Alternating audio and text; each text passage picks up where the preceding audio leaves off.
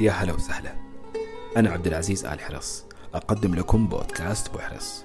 قاعدتي الحنكة أن تصنع حياة مليئة منك أنت دوما.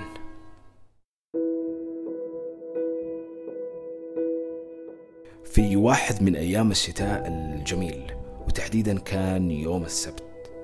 صحيت الصباح بمزاج رايق وجاهزية بديعة وقوية إني أكتب وأتفكر. ومن هنا بدأت حكاية كتابة هذه الحلقة اللي راح يكون موضوعها بسيط لكن نحتاج مننا نحن نتمعن فيه كثير. موضوعنا راح يكون بعنوان لن يفيدك شيئا قبل يوم السبت بليلة كنت جالس أتفرج على مسلسل وكان البطل اللي في المسلسل واصل لمرحلة كبيرة جدا من الكآبة والتذمر وكل ما هو سيء هذا الشيء دفعني بطريقة غير مباشرة أني أطرح على نفسي تساؤل بسيط جدا. كيف يقدر الإنسان يقتل نفسه وهو حي يرزق؟ وجلست أبدأ أتفكر بعمق بيني وبين نفسي. ألين ما وصلت إلى مئات الأمور الكفيلة بهذا الشيء. أمور فعلا لو تمعنا فيها وتخيلنا قد إيش ممكن نستمر عليها وش النتائج؟ راح نكتشف فعلا أنه هي تقدر تقتل الإنسان وهو حي. عموما راح أنقل لكم 75% من الأشياء اللي توصلت لها وأترك مساحة 25% الثانية لتفكركم. لن يفيدك شيئا وقت ما تشوف أخطاء وعيوب الآخرين وتهتم فيها وتتابعها بدقة بدل ما تهتم وتشوف أخطائك أنت أول.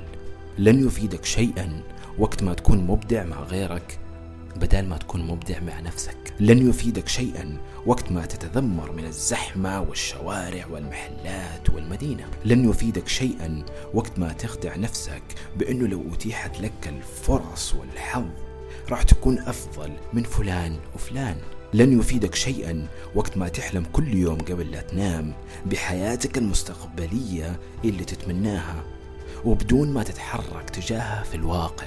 لن يفيدك شيئا وقت ما تمارس الرياضة أو القراءة داخل عقلك بالتمني بس. لن يفيدك شيئا وقت ما تعادي وطنك وأنت تعلم في الأساس بأنك خاطئ.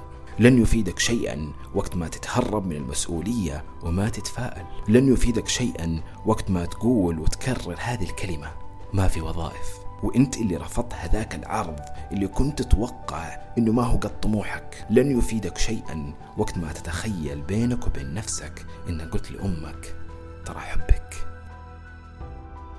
أصدقائي هي أمور ممكن تكون بسيطة جدا ونقدر كلنا نقراها لكنها من نظري كفيلة إنها تقتل الإنسان وهو على قيد الحياة.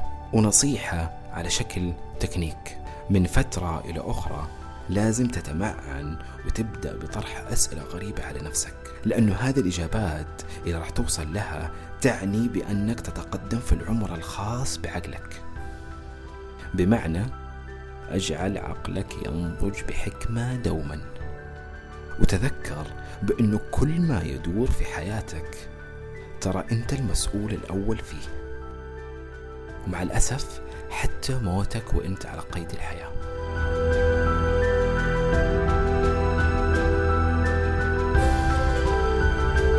موعدنا الحلقة الجاية مع محور وموضوع جديد بحول الله. وفي حال عجبتكم هذه الحلقة راح أكون ممتن لكم جدا إذا شاركتوها مع من تحبون. دمتم بسلام ونضج وقوة. دائما.